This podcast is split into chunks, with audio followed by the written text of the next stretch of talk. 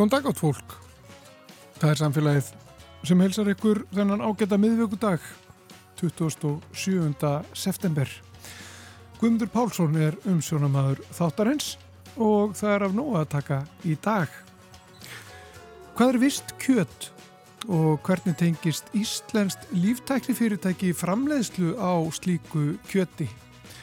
Við komumst að því í þætti dagsins þegar Berglind Rán Ólafstóttir forstýra orf líftækni kemur til okkar og það er vel þess fyrir því að sperra eirun og hlusta vel á það sem hún hefur að segja.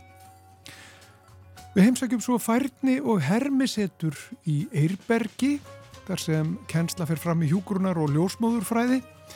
Við skoðum aðstöðuna hátt og látt, fáum að taka púlsinn á síndarsjúklingi og forveitnast um það sem er framöndan. Og það er margt. Við fáum málfarsmínútu frá önnu sigriði þráinsdóttur málfars ráðunauti og Edda Olgudóttir kemur til okkar í vísindarspjall. En við ætlum að byrja á vistkjöti.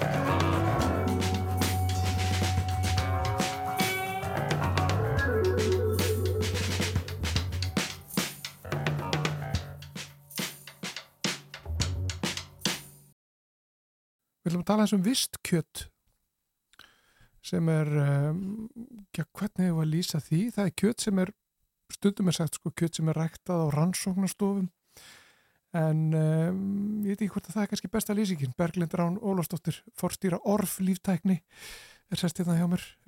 Hvernig, hvernig er best að lýsa þér? Já, það hafa mörg orð verið notið í gegnum tíðina um vistkjött sem að hérna eru ekki eins góð og það orð. Þannig að hérna, og rannsónastofu kjött við heyrum það oft notað og það kemur til vegna þess að svona í byrjun þá var þetta rannsónastofu mál og hérna kemur út frá bara frá vísendamennum þangu til að voru stopnum fyrirtæki. Þannig að hérna rannsónastofu kjött er ekkert sérstaklega gott. En það er kannski gott á bræði, það er hún að þetta er gott á bræði, ég er hérna mjög heppin að geta staðfist það.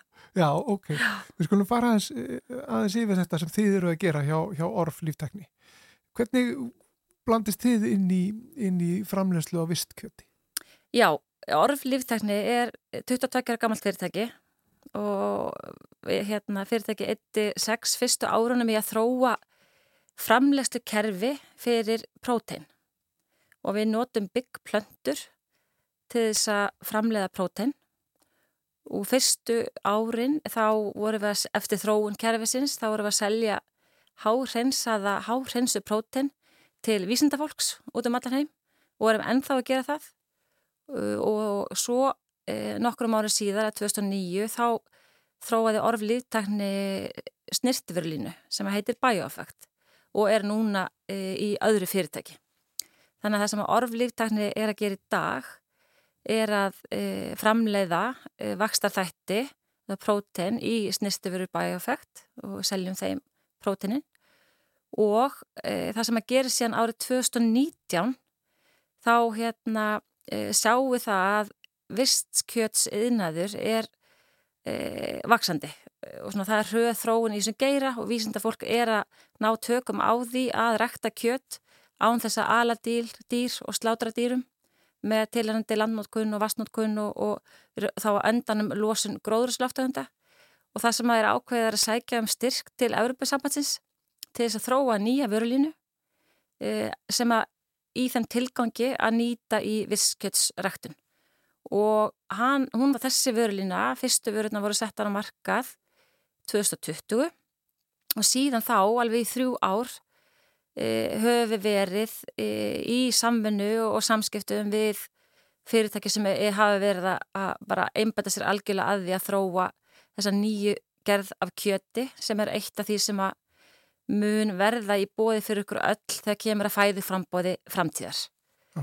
Og tilgangunum með þessu öllu, akkur er sko, þúsindur vísindafólk sem heim allan er að hafa verið að vinna þessu í mörg ár og tilgangurinn að endanum er að finna leiðir til þess að búa til mat, næringu fyrir fólkið á jörðinni e, án þessara losuna sem að hefðbundin matvælafræmislega felur í fermið sér. Og 15% af losun heimsins í dag er út af hefðbundinni kjötnislu. Og það er svolítið stór tala og það eru leiðir sem við höfum í dag til þess að hérna, breyta því hvað, hvað við borðum og hérna, á sama tíma minga losun, til dæmis að borða græmiti og, og bara þú veist mikið frambáð svo lesu við erum í búðunum í dag en það er, ekkit, ekkit svakalega vinsælar. Það er, er svolítið svona kurvan er flöt þar í, í eftirspunninu eftir þessu vörum við viljum kjött og hérna þarna þegar þessi geiri verið komin á e, gott skrið þá verður þetta valkostur fyrir okkur ef við viljum bara kjött þá getum við bara valið um það hvort við viljum velnett kjött sem er bara slátruð dýri eða vist kjött sem er ræktað í rauninni í svona töngum þessar hérna e, þessar svona framlegslu hérna einingar minnar svolítið á bruggvæsmir það eru stáltankar með þurfum inni og byrjar allt bara með einu litlu, litlu sínu úr lifandi dýri sem að síðan hleypur bara í burtu og bara lifandi og deyr ekki. Já og svo tekur, tekur tekni við og hérna að láta frumun að vaksa og sérhafa sig í, því, í það sem er verið að framlega sem getur verið vöðvi bara, bara lund eða eitthvað annað eða fita til þess að gera græmitisborgarna ennþá bræðbetri og þar koma vaksta þettinirinn sem við erum framlega. Þessi prótir sem eru kallað að vaksta þettir, þeir eru nöðsilegir til þess að frumunda geti fjölga sér og sérhaft sig. Já. Hvað er þessi tækni komið langt? Hva, hversu svona nálægt eh, eru við því að, að geta bara keft okkur út í búð uh, kjött sem er búið til með þessum hætti? Þetta er bara kjött? Þetta er einnig kjött, þetta er ekki Já. vegan, marg, marg, margir spyrja hvort þetta sé vegan.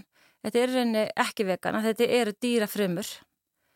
Uh, þá, þá hérna, verður svolítið áhugavert að sjá hvernig grammetisætur taka þessu. Þau eru náttúrulega er ekki aðal markkópurinn hjá þessu fyrirtæki sem er að framleiða kjötið en það verður samt áhugavert að sjá hvort að, að grammetisætur hérna, vilji borða þetta. Af því að þetta er, grammetisætur eru oft grammetisætur út af því að hérna, kjötnæslega hefur í fyrir með sér losun sem þetta mun ekki gera og svo út af dýra velferðar ástæðum.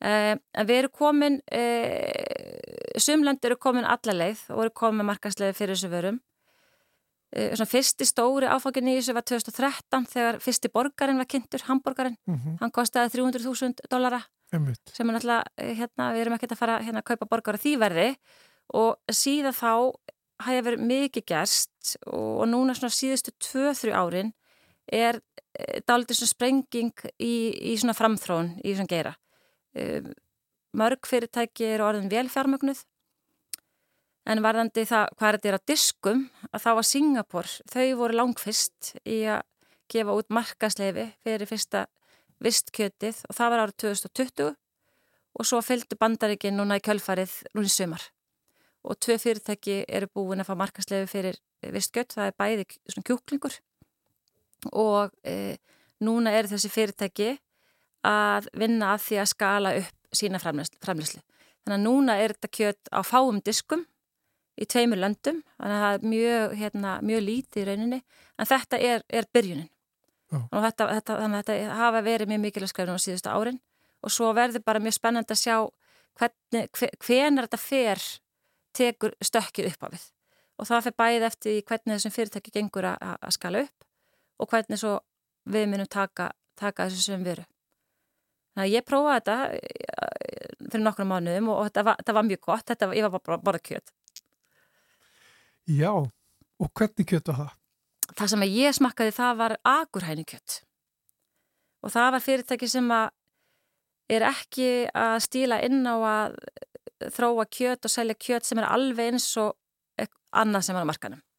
Þau eru að stíla inn á að koma með nýja hluti sem er svolítið spennandi en svo eru mörg fyrirtæki bara að hérna þróa steikur og hambúrgara mörg fyrirtæki nautakjöti af því að nautakjöti veldur mestri lósun þannig að lofslagslega meika það hérna mikið sens.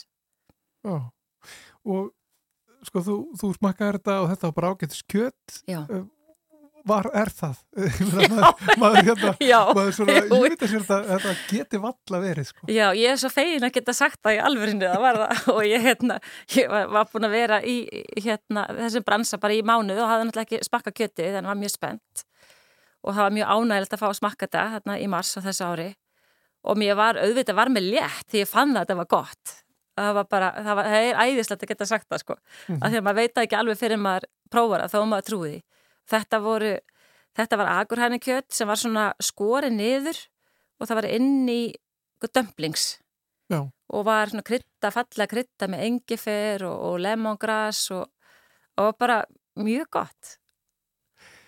E, Þið voruð að, að skrifa undir samstags yfirlýsingu við, við kóreist fyrirtæki Já og er það uh, að hverju lítur það? Er það að þið uh, sjáu þeim fyrir þessum, þessum brótinum sem að þið hafið þróað aðferð til að framleiða að? Hvernig? Já, sko, hérna, forsagan er svo að þetta fyrirtæki sem að er e, mjög spennandi fyrirtæki á þessu markaði og hefur verið að prófa aðferði sem að við teljum mjög líklegt að geiri minni horfa til sem að gera framleysluna hérna mjög effektífa.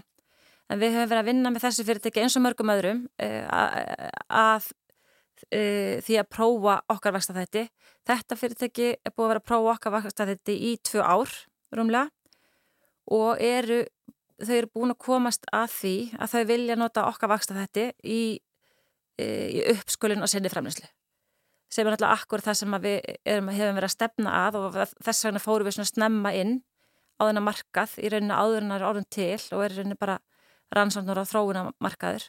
En þau eru búin að ákvæða það að okkar vaksta þettir e, virka best og þau ætla að nota okkar vaksta þetti og þannig að yfirlýsingin snýristu það annars vegar og svo hins vegar að við ætlum að leggja áherslu á það á svona þróunar samstarf með þessu fyrirtæki og hér, það kemur í ljós svona í framhaldinu nákvæmlega hvaða verkefni við sittum á oddin en það er bara samtölu í gangi og, en það er rosalega mikilvægt fyrir fyrirtæki geirunum að halda áfram að þróa nýja leiðir til þess að hérna, vera stöðut að, finna leiðir til þess að gera kjötið, kjötframleysluna sem hákamasta mm -hmm. og auðvita hérna, með sem minnstri lósun gróðurhúsuloftegunda í allri við, viðiskeiðinni af því að það er tilgangur með þessu öllu. En ef við tölum það sem það, sko, þess að fluttningur er, er aldrei stór Já. hluti af þessu öllu saman og, og það mikið lósun náttúrulega í, í, í fluttningum. Er Já. þá, er gengið út af því einhvern veginn að þessu búin til aðferður sem hættir að nýta uh, á þeim stöðum sem að, sem að síðan munu, munu já, setja þetta kjött á markað eða hvað? Já, það er, hérna, það er þannig og mörglönd eru emmitt að hugsa þetta uh, út frá því að geta framleitt bara í eigin löndum. Og það er, líka, það er losunar hérna, vinkill að því máli og svo líka fæði öryggi eins og til dæmis Singapur, þetta er náttúrulega lítið land, lítið landsvæði og, og, og bara lítið ef nokkuð hægt að rækta þarna.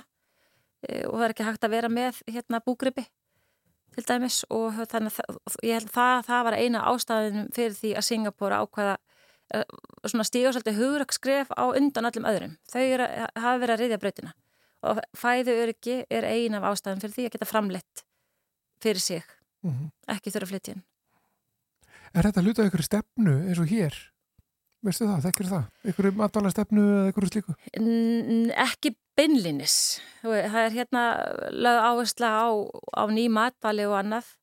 En það sem að mun og er farið svolítið að há Evrópu í vistkjöti að það er að reglugerðar umhverfið í Evrópu og Evrópusambandinu er mjög óskýrst og er rauninni það óskýrt að öll fyrirtæki geiranum er að setja Evrópu síðast í, í, í rauðinni.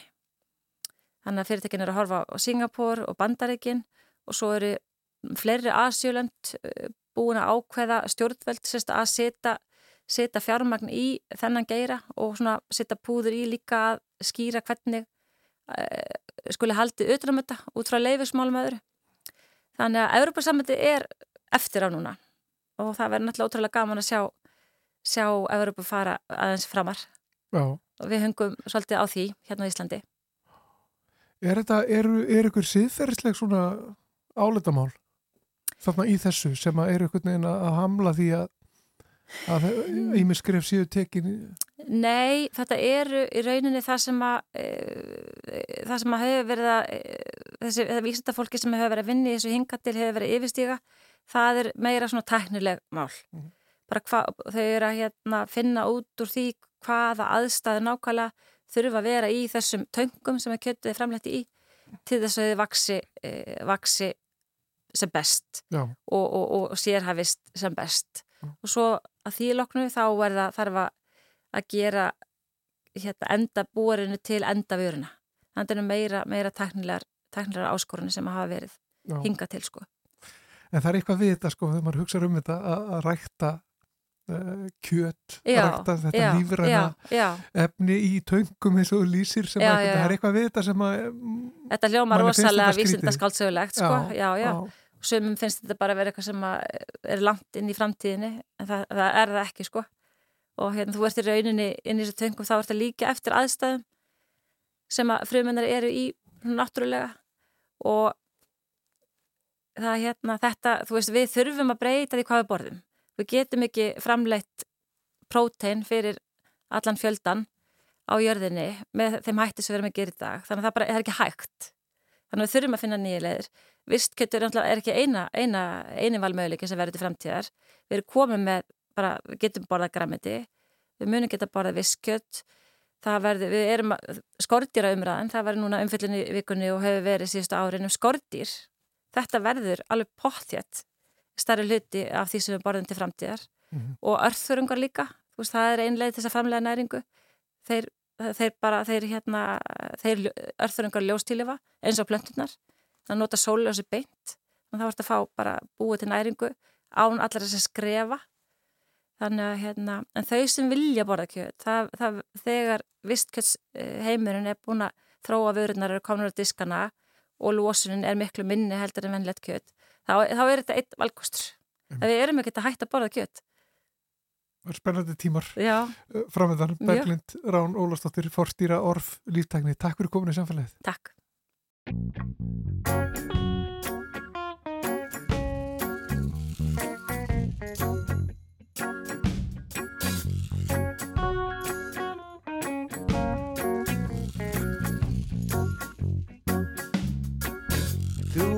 ofstakki trublar mig. Í trúminni og von á þig í takt og taumleysi vonendu ín Hendar illa eins og glatað vín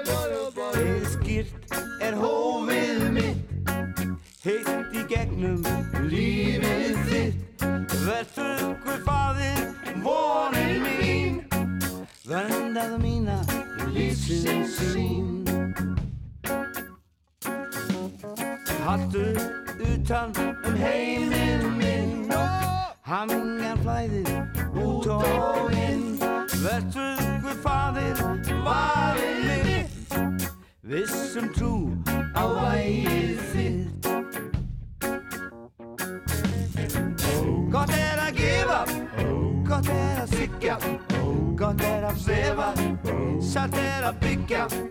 Gott er að sá, gott er að fá. Sælir í andan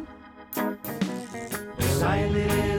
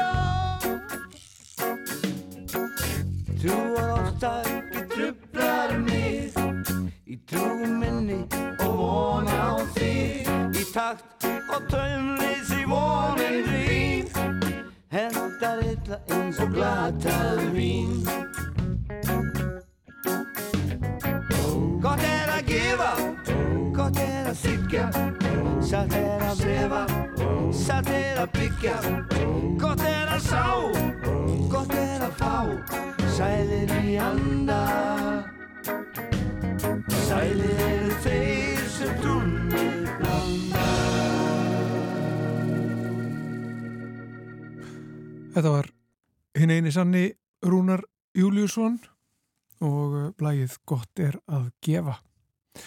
En þá ætlum við aðeins að uh, fara á stúfana. Ég stættur hér í Yrbergi og uh, hér er kent hjúkurunar og ljósmáður fræði og þetta er nú hérna á landsbytalalóðinni hérna við Ringbrödd og Eiríkskötu og hér er Þorstein Jónsson hann er aðjungt í bráða og gjörgæslu hjúkurnafræði og er uh, að já, vinna hér í hvað kallum við þetta? Hermigenslu? Já, þetta er svona hermi og færni kensla uh, já, svona búðir það sem hægt er að æfa verklega hluti sem tengjast heilbyrjusvísundum og þetta rými sem við erum í hérna núna þetta er svona herbyggi hérna í kjallarannum og hér liggur bara sjúklingur í rúmi og hér eru ymsar græur og uh, þessi sjúkling, hann nú ekki lífsmark með honum núna vegna þess að hann er ekki í sambandi. Þetta er semst ekki, ekki manneskja þetta er, þetta er uh, brúða sem er notuð hérna í kjenslunni um, hvað fer fram hérna? Já, hérna einmitt, eins og þú segir réttilega, við köllum þetta síndarsjúklinga sem eru raunir bara svona vélmenni brúður sem geta tekið á sig alls konar myndir á, á því sem hrjáir okkur mannfólki þannig að hér er þetta að æfa allt nánast sem uppkemur á spítala.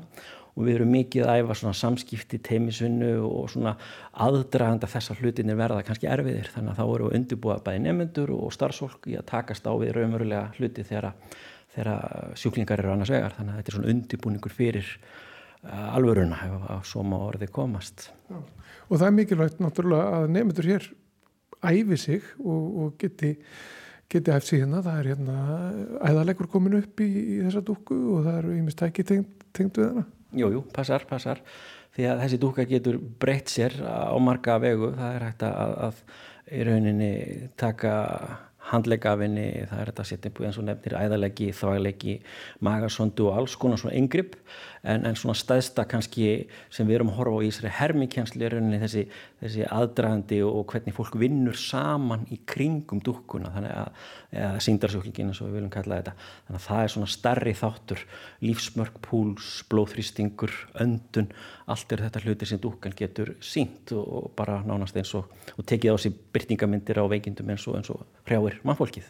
Þannig að hún er mjög fullkominn þessi dúka og, og mikilvægt vantalega að geta eftir sig alveg gríðarlega og, og alveg endalast að koma fleiri og fleiri rannsóknir sem sína að þetta er svona það kennsluform sem er mjög vaksandi í helburiðsvísindum að æfa sig akkurat á þennan hátt að sjá, læra og upplifa pínlíti, setja hlutina í puttana sína og, og fá að svona reyna þetta á einn skinni hvað kannski virkar betur en annað og, og hérna. Að sjálfsögðu, hér gerast mistök og það er eðlilegt að fólk misti í sig og það er betra að það gerist hér heldur en í, í raunheimum þannig að hérna eru við vinnundaldi svona út frá þeirri hugmyndafræði að mistök séu pínlíti velkomin hérna í ferni og herminsetrinu mm. þannig að hér er í lægi að mistiða sig því að það er líklegast aldrei hægt að læra meira af hlutunum enn þegar maður vera aðeins út á sporinu mm -hmm. Og maður ímynda sér sko hérna, hérna sem séu nefnendur þá bara það eru hópara nefnendum hérna sem að sem að eru hér að skoða þessa þennan síndarsjúkling og, og prófa sér áfram og fá kjenslu. Mikið rétt, mikið rétt og við skiptum þessari kjenslaðferð sem við erum að sinna hérna í tvent. Annars vegar er það færninþjálfun eða svona skilstreining þar sem er verið að brjóta hlutinni kannski pínlítið niður og æfa svona einstök verk og svo er það hinn hlutin sem er þessi hermi hluti sem hefur með simulation að gera þar sem er verið að setja þetta svona pínlítið allt saman saman og hefðbundið já að við vinnum í, í svona fjagra áttamanna hópum eitthvað svo leiðis þar sem hérna nefnendur eru að æfa þá ákveðin svona markmið sem eru lagt upp með í kjenslunni, læritónsmarkmið uh, farið að stað með tilfellið og svo í rauninni hjartaði kjarnin í kjenslu aðferðinni á sig síðan stað eftir að tilfellinu líkur þá er sest niður og það er viðrað svona um hlutina hvað gekk vel, hvað mátt ganga betur og hvað lærðu við þessu. Þannig að þetta er svona pínlítið rammin utan að þá hugmyndafræði sem við erum að vinna eftir hérna Við skoðum kannski síndar sjúkling betur á eftir og sjáum hvernig, hvernig hann virkar og hvernig þetta virkar saman. En, en þetta hefur verið alltaf lengi, er það ekki? Þessi aðferð, þessi aðferð hefur verið beitt í kjænslu svolítið tíma. Jújú, jú, hún hefur verið beitt og, og, og uh, hann kemur upprunalega úr svona hátekniðinaði, bæði flugin og kjarnorkuðinaðinum. Þar, þar er svona kannski rætunar á þessari kjænslu aðferð heima sko en í heilbrísustu þá höfður þetta verið að vaksa mjög hratt á undanferðum árum og svona upp úr 2005-06 þá fór þetta að verða svona daldi mikil, mikil, mikil áherslu á þetta og er að vaksa bara ár frá ári. Þannig að þetta er ekkit alveg nýtt en, en, en tækninni flegir fram og það eru hlutir eins og síndarauruleiki og annað sem er að koma inn í þetta. Þannig að við erum að horfa á mikla breytingar held ég á komandi árum í, í þessari kjænslaðferð sko. Og það er ímislegt sem bara reynilega stendur til hér?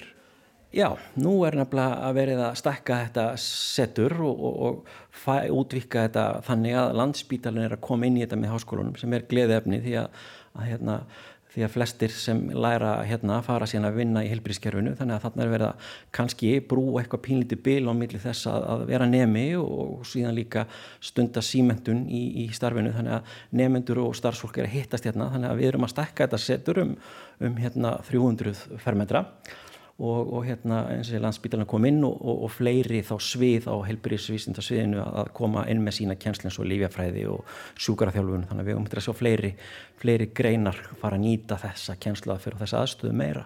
Ég var að kíkja hérna upp á næstu hefð Endilega. og sjá hvernig, hvað stendur til? Endilega. skoða það. Ég læst það Nei, hann er ekki læst það en það er svona hérna eins og segir er svona sullir í meira. Já, einmitt. Það er ekki alveg vettla. En svona við erum svona meira að, að hérna sinna gifsin, gifsun og, og, og hérna þegar við erum að setja bæðalegi þá erum við, við hérna niður í það sem þarf að nota vatn og svona sulla. Já. Svo nú flýill hérna, hann er nú allar notaður í kennslu Nei, hann er ekki notaður í kennslu. Uh, spurning hvort þú vilji kaupa hann. Hann var staðsettur hérna þessi kennslustofan. Þetta var útbúið kennslustofi þar sem hann var staðsettur. Þannig ég veit ekki alveg hvað verður um hann. En hérna eru við semst að ganga þá inn í þetta nýja hermisettur sem við viljum kalla Hermís, Hermisettur Íslands. Þannig að þetta er svona eingangurinn að því sem verður þá sameigilegt svæði landsbítalans og, og háskólans. Og þetta svæði. Hérna eru fjóra nýja stöða, stofur. Fyrsta stofan sem gungum hérna inn í er stofa sem við erum að hugsa pínulíti til framtíðar. Hérna sjáum við fyrir okkur að síndarveruleiki verði kannski æfður þannig að nefndur æfa einhver svona task fara svo inn í hermingu og, og hérna vinna úr þessi hóp Hérna sjáum við líka fyrir okkur að vera með aðstöðu fyrir börn og, og, og kannski öldrun. Þannig að það verður eftir að æfa svona sérhæfðari kannski hluta í þessari stofu. Þannig að þetta er allt saman byggt upp á svipan hátt. Við höfum gríðarlega, þetta er mikið teknistutt kjensla. Þannig að hérna verður hljóð og mynd sem verður eftir að varpa og upptaka samanskap í allar áttir. Þannig að það er eftir að taka upp tilfelli lofa nefndum og starfsfólki að rýna í framistuðuna og, og hérna sjá svona hvað var gert vel og hvað hefði mátt ganga betur. Mm -hmm. Og ef við höldum síðan hérna áfram þá er, er hérna síðan aðeins stærri stofa þar sem við erum að hugsa, hugsa hérna skurstofu aðstöðu og, og hérna hágjastlu eða gjörgjastlu rými og hérna erum við að leggja þetta upp með meiri tækni og orðum hérna á vegg sem við erum að svona daldi vinna í að hafa gagnvirkan þannig að það verður hægt að setja upp uh, mynd af þeirri aðstuð þar sem er verið að æfa til að mynda skjörgjastlu, umhverfi, bráðamóttöku eða hvað sem er þannig að þá nær fólk að svona lifa sér kannski meira og betur inn í, inn í það sem er verið að þjálfa og æfa mm. Og að samanskapi verða hérna mikil teknívarandi hljóð og mynd sem hægt er þá að varpa í önnu rými þannig að það geta verið aðri hópar að fylgjast með svo sér ekki beint ofan í hérna nefndum og meðan þeir eru að vinna og leysa verkefnið. Já. Og svo náttúrulega horfum við hérna yfir nýbygginga þar, hér er bara að vera að reysa eh, nýtt sjúkrás. Jú, jú, mikið rétt, mikið rétt og við höfum aðeins verið í samtali við fólki sem er að hanna það að koma kannski inn í þetta með það fyrir augum að setja upp hluti sem ekki kannski alveg búið að útfara til, út, enda, út til enda í nýja landsbítalunum þannig að það er hægt að kannski að sjá hvernig hlutinni virka í svona hermi setur samengi áður en að það raungirist á nýjum landsbítal þannig að ég er mjög spenntur fyrir meira og frekari samstarfið þar. Mm -hmm. Og svo löpum við hérna áfram og sjáum hérna stjórnklefa þar sem við stjórnum öllum þessum síndarsjúklingum frá. Já. Þar sem er svona speklagler þannig að það sést ekki inn heldur bara út og, og þá getum við um eitt breytt lífsmörkum hjá, hjá síndarsjúklingnum. Hérna eru þá konin í þriðarýmið og hér eru við að hugsa dálítið svona bara sjúgra stofu samhengi og, og þetta sem þú ást að vísa í hérna með nýja landsbítalan. Við horfum dálítið á þetta rými í því samengi þannig að hérna er hægt að samsvara þá eins og mun verða á deildum svona hefðbundinni legudeild. Og þetta er allt hluti af þessum undirbúningi. Þá við það að flytja yfir í nýja spítala að fólk geti svona það er að setja hérna upp svipar aðstæður og verða þar Já, akkurat og, og í rauninni alveg hægt að horfa á alla skalan í því samengi, bæði hvernig innrettingar verða uh, settar upp, uh, jafnvel arkitektúru litir og veggjum eða hvað það nú er, yfir í einhver tæki sem verða þá notuð og, og hvar þau eru staðsett og hvernig þau virka og hvar þau har í samband og því það er á mörgu að higgja í þessu öllu samengi. Mm -hmm. Mingar þetta allt sko hérna, viðveru inn á deildum og þess að það hjá nefndum er er, svona, er hægt að, að draga eitthvað úr því eða er það alltaf jafn mikilvægt? Uh, svara við þessu er eiginlega tvíþætt. Já, uh, tengsli sjúklinga eru alltaf jafn mikilvæg en það sem er að koma fram í rannsóknum er að það er hægt að sko uh, auka hermi færni stofu eða setus viðveru nefnda á, á hérna þannhátt að hér er þetta, ég veit ekki hvernig maður getur orðað þetta, svona koncentrera pínlítið þau viðfóngsefni sem eru að fast við átt á spítala því að námstækifærin eru mísjöfn inn á spítalum en hérna er hægt að stilla þeim upp bara og keira þau aldrei hratt í gegn með mismunuti erfileika stig sem ekki hægt er að gera náttúrulega í raunheimum inn á spítala þannig að mörguleiti kemur þetta í staðin fyrir en ekki á öllu leiti. Mm -hmm. Svo heldum við hérna áfram og, og sjáum þá fjórða herbergi sem er svona stæðsta herbergi þannig lagað. En þar eru við að horfa ekki beint á hermingu heldur meira svona færni þjálfun þannig hérna verða svona uh, stæði sjúkraðastæði sem eru bara þjættlið við hlið. Þannig að nefnundur verða að vinna í, í, í svona einhverjum pörum að þjálfast upp í til að mynda setja upp æðalegg, þvagilegg, magasondu og svona einhverjum verk hlutum Þannig að það er svona aðeins önnur hugsun og nálgun sem við erum að hugsa með þá kennslaðferð heldur en þetta sem vorum að skoða hann hinum en það sem hermingin fyrir fram. Já, og þetta náttúrulega er bara í vinslu, það er ekki, ekki mikið komið hérna inn, en það er þó hérna e, einhvers konar líkan af, af mannesku uh, og hægt að kíkja svona aðeins, aðeins undir, hvað var að segja, undir hútið af manneskjur.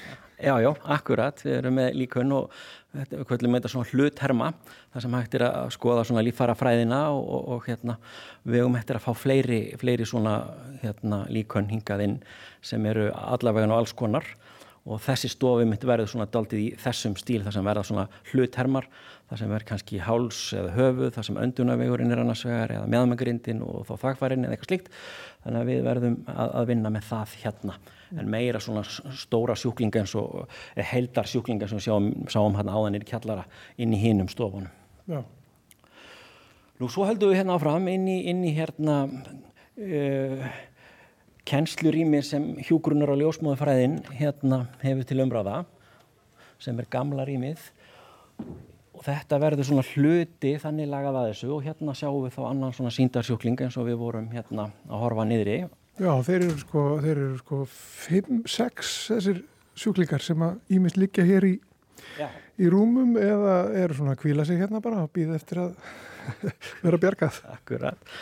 Akkurat og hérna til dæmis horfum við á fyrsta síndasjúklingin sem kom til eitthvað 2007 og skýrðum Hermann og hann er nú komin á eftirlaun elsku kallinn, er hérna ekki alveg, en virkar en, en er svona frumstaður á þvíleitinu til að hann er allir snúru og vír tengdur og meðan hitt er þráðlust þannig að hérna sjáum við svona þess þróunun á þessu og svo hérna hinum en er þá nýri útgáfa sem við sjáum að brjóska sem reyfist og við erum með hjarslátt í útlimum eða blóðþrýsting og púls í útlimum þannig að púlsinn getur verið veikur eða sterkur Það er þetta að setja inn alls konar hérna, myndgreiningar og rannsóknarniðstur, blóðpröfur og, og hérna, lúnamyndir, allt eftir því hvað við erum að vinna með hverju sinni.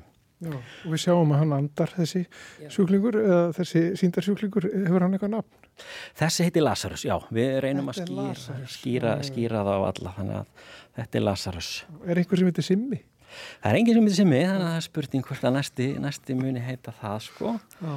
En þetta er gríðarlega fullkomi græja því að þeir blána í framann þegar þeir vantar súrefni, uh, þeir tala og nýjustu uh, sjúklingarnir sem við fáum inn í nýja rými, þeir svitna og þeir pissa, skilja út þvag og þannig að þetta er, að, er mikil þróun. Já, og hérna er svona eh, mónitor eða það er hægt að fylgjast með þetta ekki og, og, og breyta eitthvað eða er það breyta, eru það hægt að áhrifa hjarsláttin og þess að það er? Já, við, einmitt, þetta er svona mónitor sem hérna, við stýrum síðan úr stjórnklefunum hröðum eða hægjum á hjarslætti breytum blóðfyrstingi uh, eh, heitastígi uh, súrefnismettun og fleira í þeim dúr, rauninu bara allt eins og gerist pínulítið inn á spítala þannig að, að við getum breytt öllu hér og bara svona til að gefa smá hugmyndum að hversu svona fullkomnir þessi velmenni eða síndarsjúklingar eru að þá eru einhverju svona fjögur þúsund krosstengtir möguleikar sem þeir geta brugðist við á einn eða annar hátt, svona dæmi sem tekið ef þeir fá eh, adrenalíni sem er svona neðarlif að þá breytist blóðrásinn í öllum öllum líkamannum hjá velmenninu sko, þannig að þetta er mjög teknilegt. En Lazarusson virkar svolítið stöður bara núna? Já, hann er mitt, hann er, hann er í stöðum fasa augnablikinu en við getum hæglega breytt því á einfaldan átt. Um, en hann, sem sagt, ég sé hann hérna anda og ég get fundið púlsið ekki ef ég, ef ég kem hérna, Þreifur, ég bara kann það ekki alveg. Hérna, hérna. hérna. Íttu bara ekki á fast, það er þá svona stasar að lokar hræðina. Já, já, einmitt. Finnur þú og þú ættir að já, sjá 79 slög á mínútu. Einmitt, já, já. Það finna Já, finn, maður finna þetta vel. Og hann er með aðalegg, það er búið að setja aðalegg hann er með aðalegg og svo bara íti og taka hér og þá mælist blóðþrýstingurinn. Að samaskap ef við tökum hérna mettunarmæli eins og er bara í, í hérna eina spítala og setjum hérna fingurinn á honum. Og þá sjáum við hérna mettun á, á hérna koma á skjáin mm. og þess að heyrist í þessu allt voða flott eins og bara er í raunheimum. mm og svo er þetta að fara með þetta miklu, miklu flóknara, það er þetta svona slagaða línu eins og eru á gjörgjastlu það sem er hort bara á blóðþristingin hérna, bara slag fyrir slag. Við getum sett lungnaslagaða legg sem er, er svona mikið yngri blíka eða töluvert í sjúklingin centralvenu eða miðbláar línu þannig að það er þetta að í rauninni líki eftir nákvæmlega bara því sem við erum að vinna með á spítala. Já og fleiri rannsóknar niðurstur, það er þetta eins og ég sagði að hann setja inn, inn lúnamyndir og, uh -huh. og breyta þeim eins og, eins og bara henduleik ég er. Hjart, tólulegslu hjartalínuritt blóðpröfur og blóðgös allt bara eins og í alvörunni. Og er þá líka þá fyrir sko líka einkennin fyrir áður en það er farið í hermun eða í einhvers konar þessar síndar kennslu liggur þá fyrir sko eitthvað greining á sjúklingnum og enginnin eru klár og það er sett inn og svo hefst vinnan við það eitthvað þennan átt að segja á því alltaf saman. Já, mikið rétt um þetta. Þetta er mjög öguð kennslaðaferð. Þetta er ekki einhver dúkkuleikur eins og, eins og einhver getur kannski hafa, getur haldið vegna þess að við höfum mjög sko Skýrt, skýrt handrit þar sem eru ákveðin bara námsmarkmi sem unnið er út frá og, og raunin atbyrðar á sinn teknuð upp allt eftir því hverju viðbröð þá nefnda starfsfólks eru. Þannig að, að hérna, þetta er allt saman niður en allt áður en að farið þar að staði í kjensluna þannig að það er lítið svona happening í þessu. Þetta er allt saman mjög agað. Já. og svo er það sko hann talar. Já. þessi síndarsuglingur hann talar. Og það er að mikrofónin, það er svona lítið stjórnklefi hérna hinn meina það ekki, Jú. það er mikrofón og þar getur svo sem stýrir kennslunni getur, getur talað fyrir sjúklingin. Jú, mikið rétt. Og svo er hann með svona fyrirframgefnar uh, stuttar setningar líka. Þannig að, að hérna, ég getum lettir að heyra það að þú heyra á því. Þannig að Já, talar hann íslensku? þá vikar hún bara við held ég andlitið á dúkkunni þegar ég þarf að hérna að kveikja. Þannig að hljóði kemur þaðan.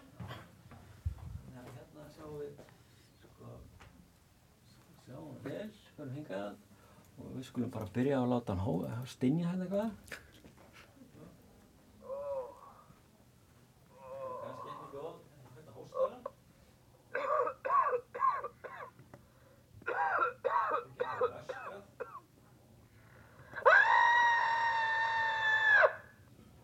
Alls konar svona sko. Já.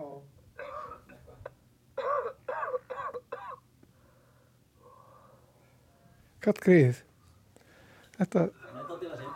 hann er aldrei lasinn sko, hann, hún er með raka svolítið síðan við komum hérna inn, það mest kosti. Já. Já, hann öskrar svona hátt, já. Já, já, en svo erum við með mikrofón líka þannig að við tölum fyrir hann svona til að hafa þessi samskipti við nefnendur og þáttekundur raumuruleg þannig að, að hitt er svona bara viðbót þetta sem við erum að hlusta á núna. Þetta er, þetta er í vinslu, ég meina það stendur til að fara í þessar miklu breytingar hér, eins og þú, þú sagðir. Er það allt saman á bara á dagskrá og er það á, á áætlun? Er vita hvenar þetta verður allt saman komið í gagnið? Þetta er náttúrulega gríðarverkefni sem við erum að vinna með og, og, og, og flókið og afar markþætt þannig að við stefnum á að við erum kannski ekki alveg með einhverja niðurunelda dagsetningu en haustið er það sem við erum að horfa alltaf á. Hausti núna, þetta haust? þetta haust. Og, og hérna eins og segi uh, við erum í samningu uh, erum að tala við fólk sem er redda súrefnistengjum í veggina hjá okkur núna. Þannig að þetta er svona allt saman að ganga upp þannig að þetta gengur vel Já, við með það.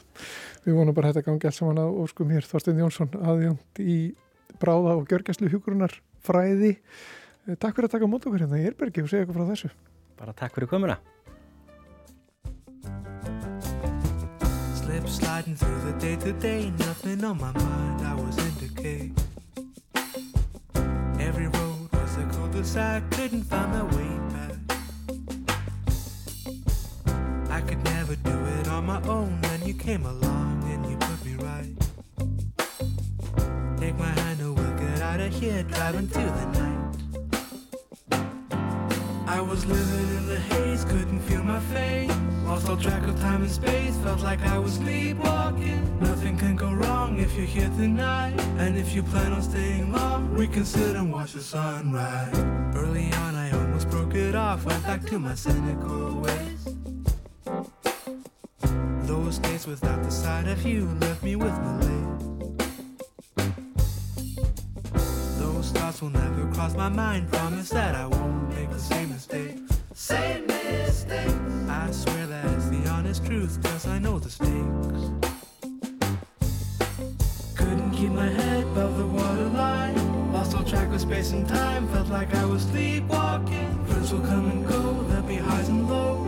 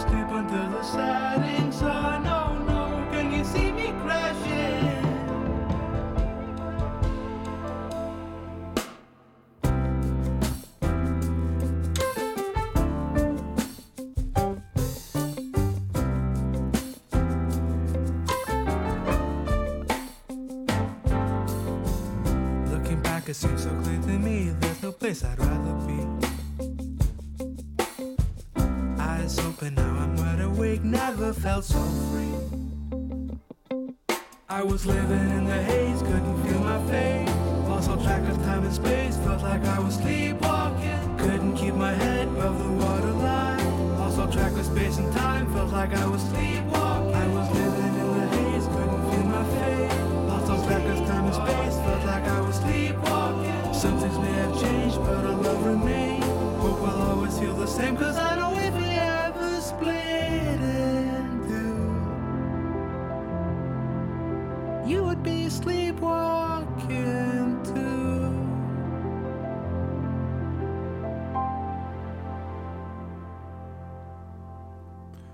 Þetta var Kári Eilsson og uh, læði Sleepwalking.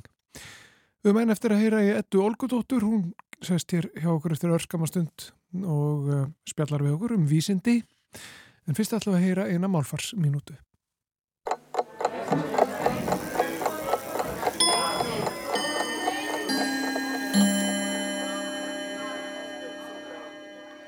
Enska sögnin to spot er orðin að tökusögn í íslensku.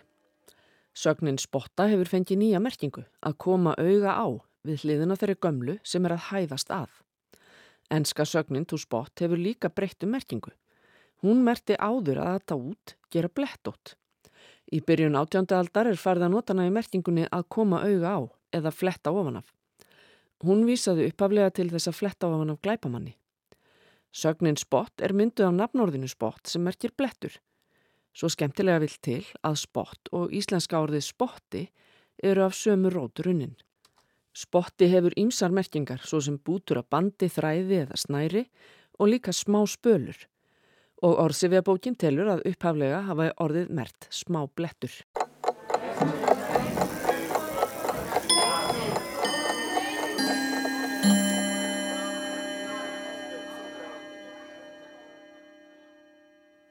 Þá ætlum við að vinda okkur í vísindarspjallið. Þetta Olgudóttir velkomin Takk í fyrir. samfélagið. Á hvaða slóðir ætlum við í dag? Við ætlum að tala eins um hérna krabbamein og, og svona hormonabreitandi efni sem að finnast í umhverf okkar og hérna krabbamein er nefnilega ótrúlega stórt eða það er heiti á sjúkdómi sem er samt sko miljón sjúkdómar þannig að það er svolítið hérna villand að tala um krabbamein sem eitthvað eitt. Í fyrsta lagi getur þetta náttúrulega verið í mismunandi sko líffærum og þetta getur verið í mismunandi frumu gerðum í hverju líffæri og svo eru mismunandi breytingar sem eiga sér stað í frumu gerðunum sem gera það að verkum að það verða til krabbamein.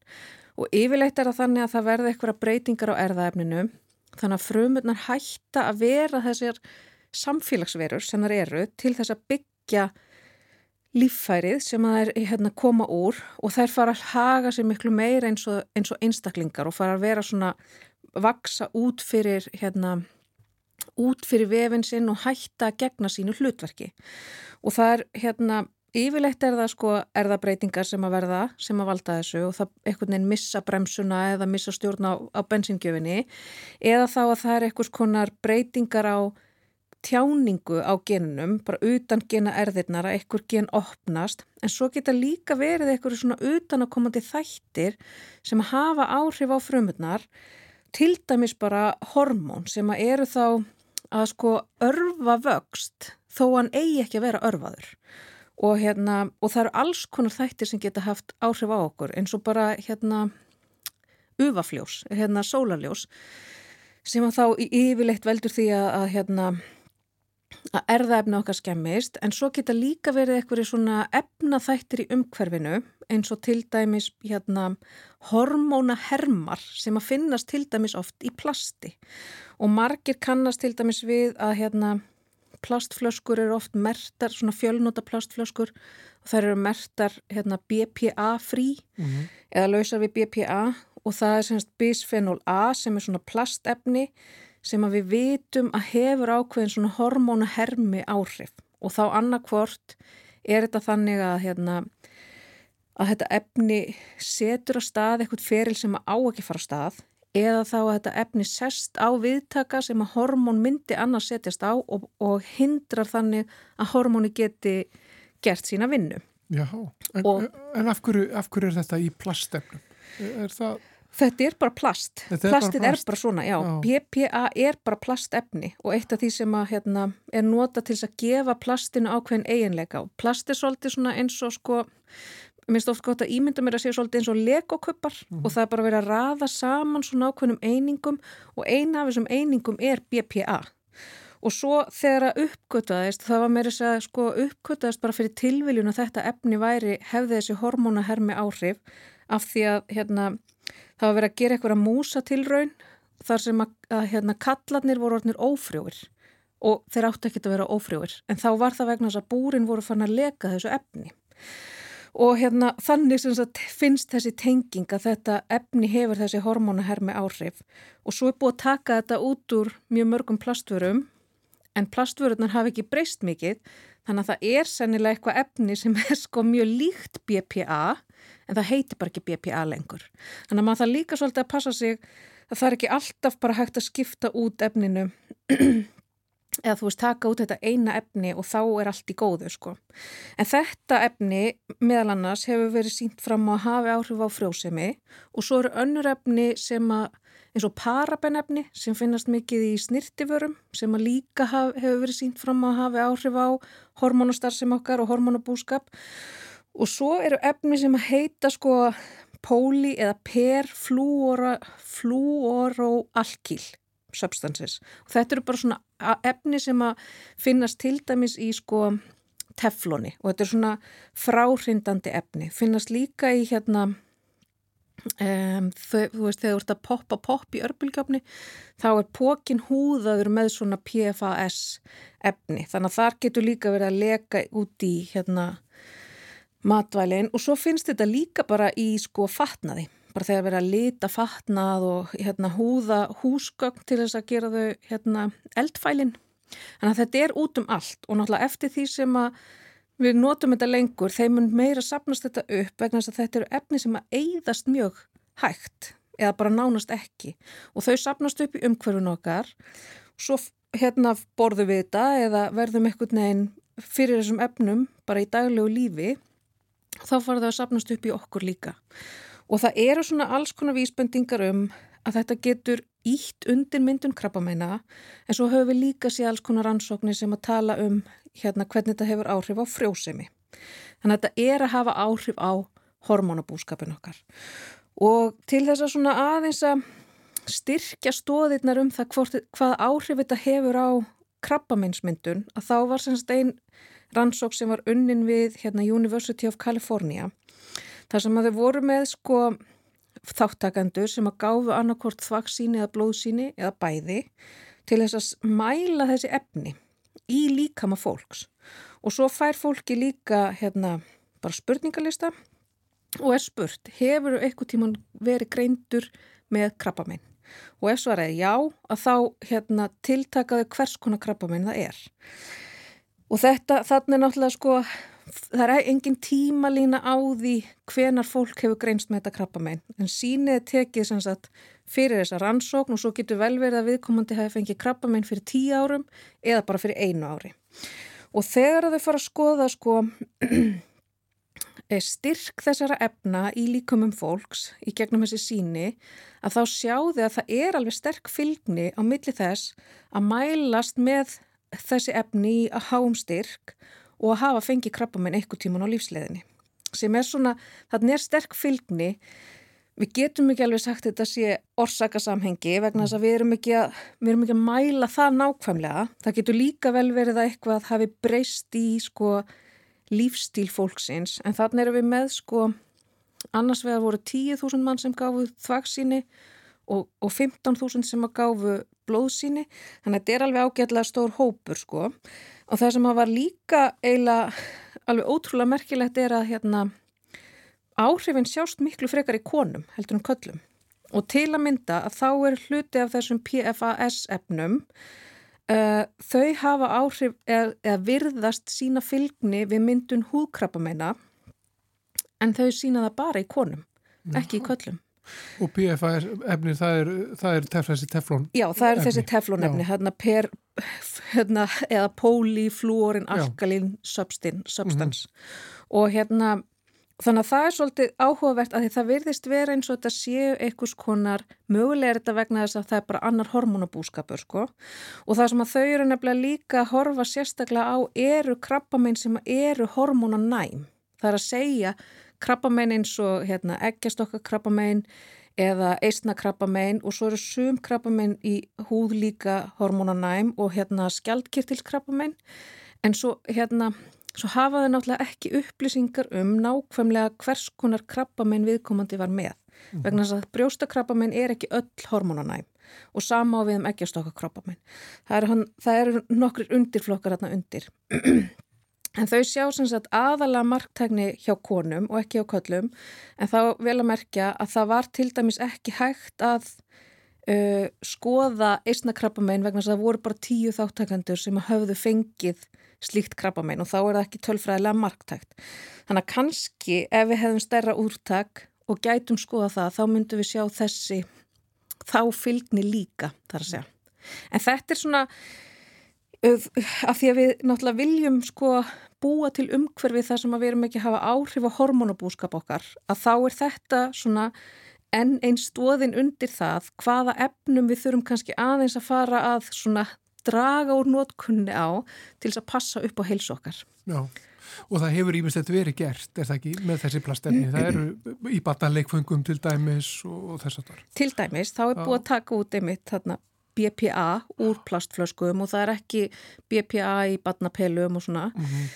Það sem að maður setur svona svolítið spurningamerki við er hvað kemur í staðin. Já, það er ekki hér, nóg að kalla það bara eitthvað hann. Það er ekki Nei. alltaf nóg nefnilega og það, hérna, maður þarf kannski líka svona, hérna, við þurfum að fara kannski svolítið ítarlega í það, eru við ekki örgulega þá að nota eh, minna hættuleg efni í staðin. Já, og þetta er verkefnið. Það er verkefnið. Já, það. Þetta er alveg þóttir gafan að fá því heimsóknir svo alltaf uh, þó að, að uh, viðfangsefnin geti verið dálitið flókin og svona hróttveikjandi. Já, stundum. Já. En takk fyrir komuna í, í samfélagið. Takk fyrir mig. Og þannig ljúku við þætti dagsins. Við verðum hér aftur á morgunna sjálfsögðu á sama tíma. Guðmundur Pálsson þakka fyrir sig. Verðið sæl.